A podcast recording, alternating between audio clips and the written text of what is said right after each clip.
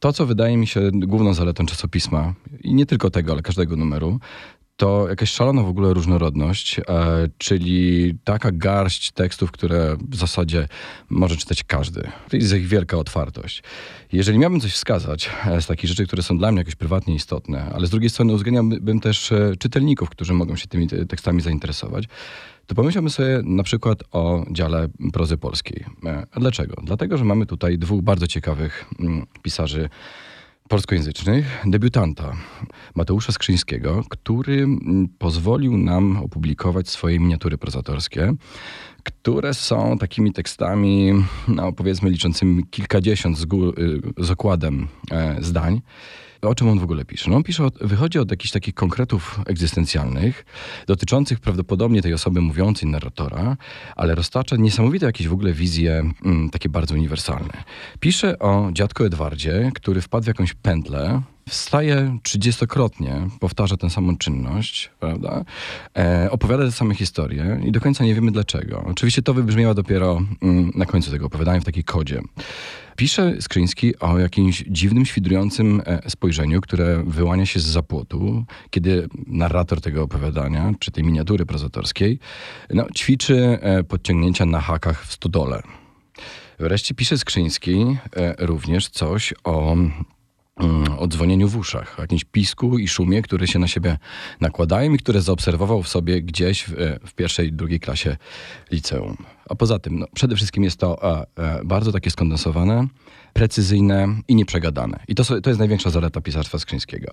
Innym e, prozaikiem, który dla nas jest ważny, który jest e, bardzo czytelny, m, precyzyjny, a z drugiej strony w jakimś sensie epicki, to e, związany z naszym czasopismem Zbigniew Dmitroca, sławny e, tłumacz z literatur rosyjskojęzycznych, który u nas debiutuje jako prozaik fragmentem swojej powieści, która się ukaże jesienią 2020 roku w Piwie.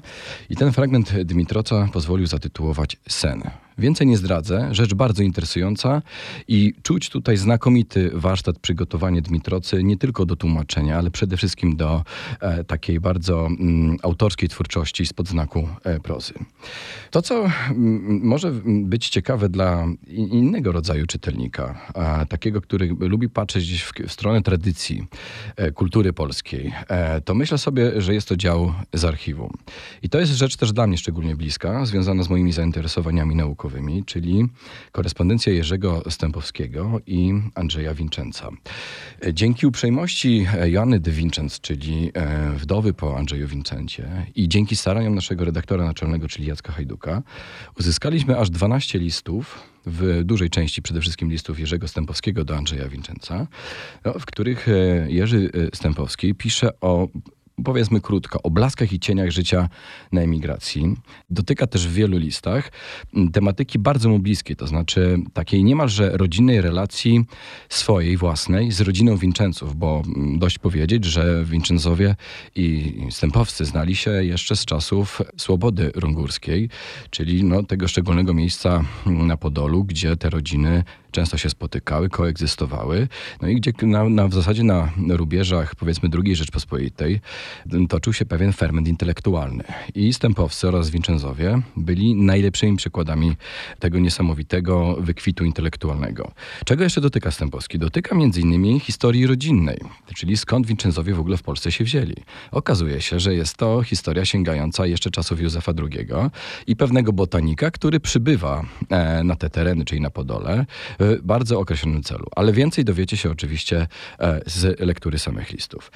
Interesują mnie jeszcze felietony Józefiny Piątkowskiej. Z jednej strony bardzo zabawne, z drugiej strony bardzo aktualne, która przeczesuje poezję, głównie współczesną, w poszukiwaniu tematów dość uniwersalnych. W tym numerze mamy do czynienia z dwoma tekstami. Przede wszystkim wydaje mi się mm, znakomity tekst pod tytułem Powietrze Wertera. Tam Piątkowska wychodzi od wiersza Borysa Pasternaka, który podaje w ogóle w swoim tłumaczeniu.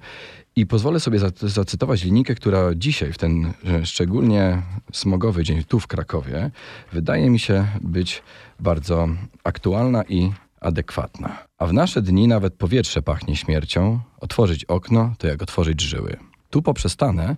Zachęcam Państwa do lektury zarówno pierwszego, jak i drugiego felietonu Piątkowski, która jest naszą stałą współpracowniczką. Ta blisko e, trzyletnia praca w czasie literatury w, w, roli sekretarza, e, daje mi oczywiście, jak Państwo słusznie przewidujecie, pewien rodzaj entuzjazmu i, i, i, radości, ale daje mi też pewien rodzaj wiedzy, której w zasadzie nie posiadałem. To znaczy, dzisiaj, nie będąc pisarzem, myślę sobie, że po lekturze działu Pisarz w pracy, do którego od zawsze piszą dla nas Maciej Miłkowski i Jerzy Franczek, znakomici notabene e, prozaicy, dzisiaj prawdopodobnie wiedziałbym, jak napisać przynajmniej opowiadanie, bo na pewno nie powieść.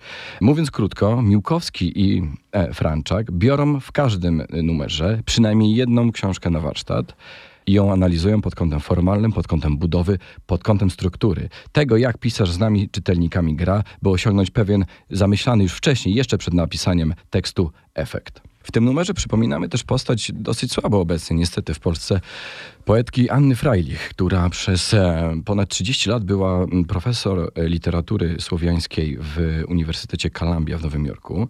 E, z panią profesor e, Freilich rozmawia nasza stała współpracowniczka, koleżanka redakcyjna, znakomita poetka Jadwiga Malina.